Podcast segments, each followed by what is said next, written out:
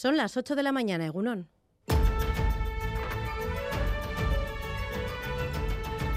Crónica de Euskadi con Irache Martínez. Ne iruñatik nator, ikustera, izan da la banda sonora de mi juventud, hola, eta, bueno, azken aukera izan da ikusteko, eta, bueno. Azkenengo kontzertura joan nintzenez, ba, ejerzitoren kontra joan zuzen ere, ba, errepikatuko dugu beste azkenengo bat. Aspaldian ez nuen hainbeste jende metroan entzuten, euskaraz, komentzituta nago ondo pasatuko dugula, haiek dena emango dute eta guk ere bai. Ertzainak oso talde garrantzitsua izan salako gure garaian, aspaldiko garai hartan, talde handienetakoa zan, eh, referentzia, gero etorri diren beste talde batzuentzat. Son algunas de las voces que ayer seguramente acabarían afónicas en el primer concierto de despedida de Erchañac ayer en el BEC y que fue retransmitido también por ETV. Hoy será el segundo concierto también en Baracaldo.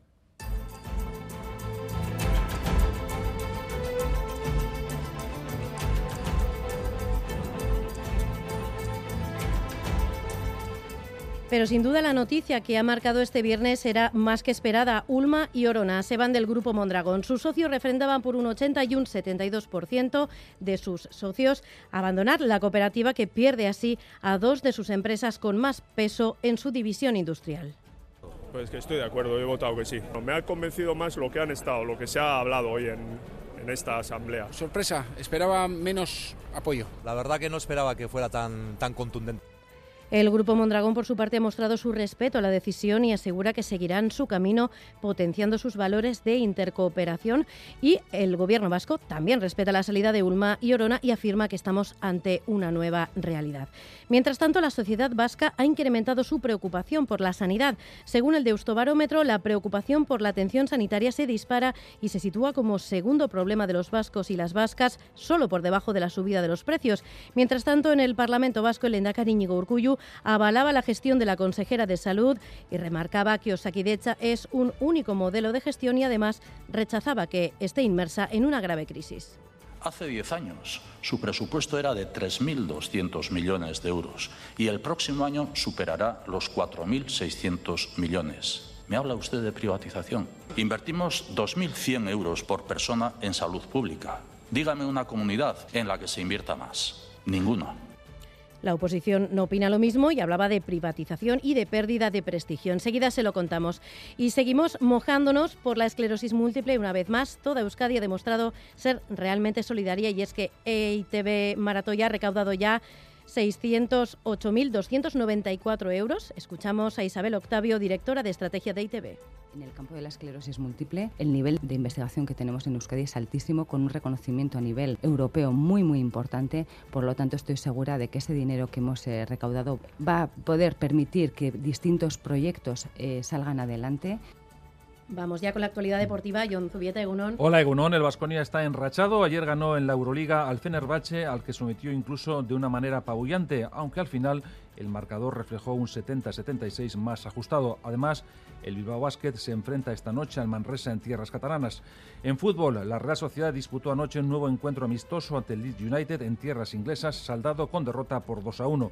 Por su parte, el Athletic se mide al Udinese. Valverde ha incluido la relación de escogidos a Unai Simón y los hermanos Williams. También figuran Guerena Barrena y Cabo. En fútbol femenino, el Athletic y el Alavés Gloriosas tienen cita esta tarde a domicilio. Sevilla y Aldama son sus rivales. Y en cuanto al Mundial de Qatar, Croacia y Marruecos se enfrentan esta tarde para obtener la tercera plaza. Mañana, la gran final entre Argentina y Francia, que está siendo afectada por la gripe del camello.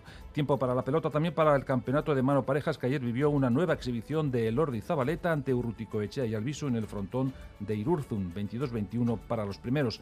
El campeonato prosigue y hoy hay otro duelo de altura, el que medirá a Ezcurda y Martija ante Peña y Mariz Currena en Iruña.